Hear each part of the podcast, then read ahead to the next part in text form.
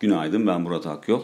ABD borsaları dün oldukça güçlü bir performans sergiledi. Bu noktada özellikle S&P 500 endeksinin tarihi zirvesine yükseldiğini gördük. Ee, Nasdaq'ta ise zaten son birkaç günde zirve seviyede rakamlar görüyorduk ve bu eğilim dün artarak devam etti.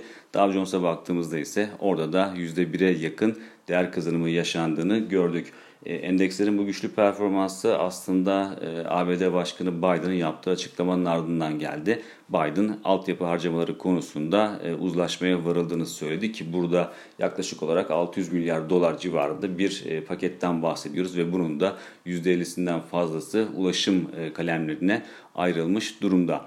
hisse bazında baktığımızda ise Tesla zaten son birkaç günde iyimser bir performans sergiliyordu. Şirket hisselerinin bu eğilimini dün de devam ettirdiğini gördük. Diğer taraftan Caterpillar ise son bir ayda belirgin şekilde e, zayıflamaya başlamıştı ve bu zayıflık Dow Jones'u da olumsuz etkiliyordu. Ama son birkaç günde e, şirket hisselerinde e, teknik görünüm iyileşmeye başlamıştı ve tepki e, oluşumuna işaret ediyordu ki bu görünüme paralel olarak da dün %3'e yakın değer kazanımı yaşandığını gördük.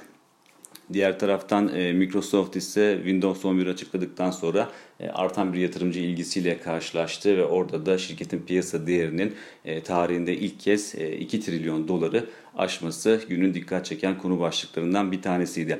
Kapanışın ardından ise FED stres testi sonuçlarını açıkladı bankalar için ve bütün bankaların stres testini başarıyla geçtiğini gördük ki bu da yeni güne başlarken pozitif haberler arasında yer alıyor. Dolayısıyla finansal sektöre ilginin bugün devam etmesi çok şaşırtıcı olmayacaktır. Ee, bugün günün en önemli konu başlığını ise Amerika'da açıklanacak olan PCE endeksi oluşturuyor. Ee, hatırlanacağı gibi FED son toplantısında e, PCE endeksi tahminini 1 puan yukarı yönlü revize etmişti. Dolayısıyla e, piyasalarda bu veriyi bugün yakından takip edecektir.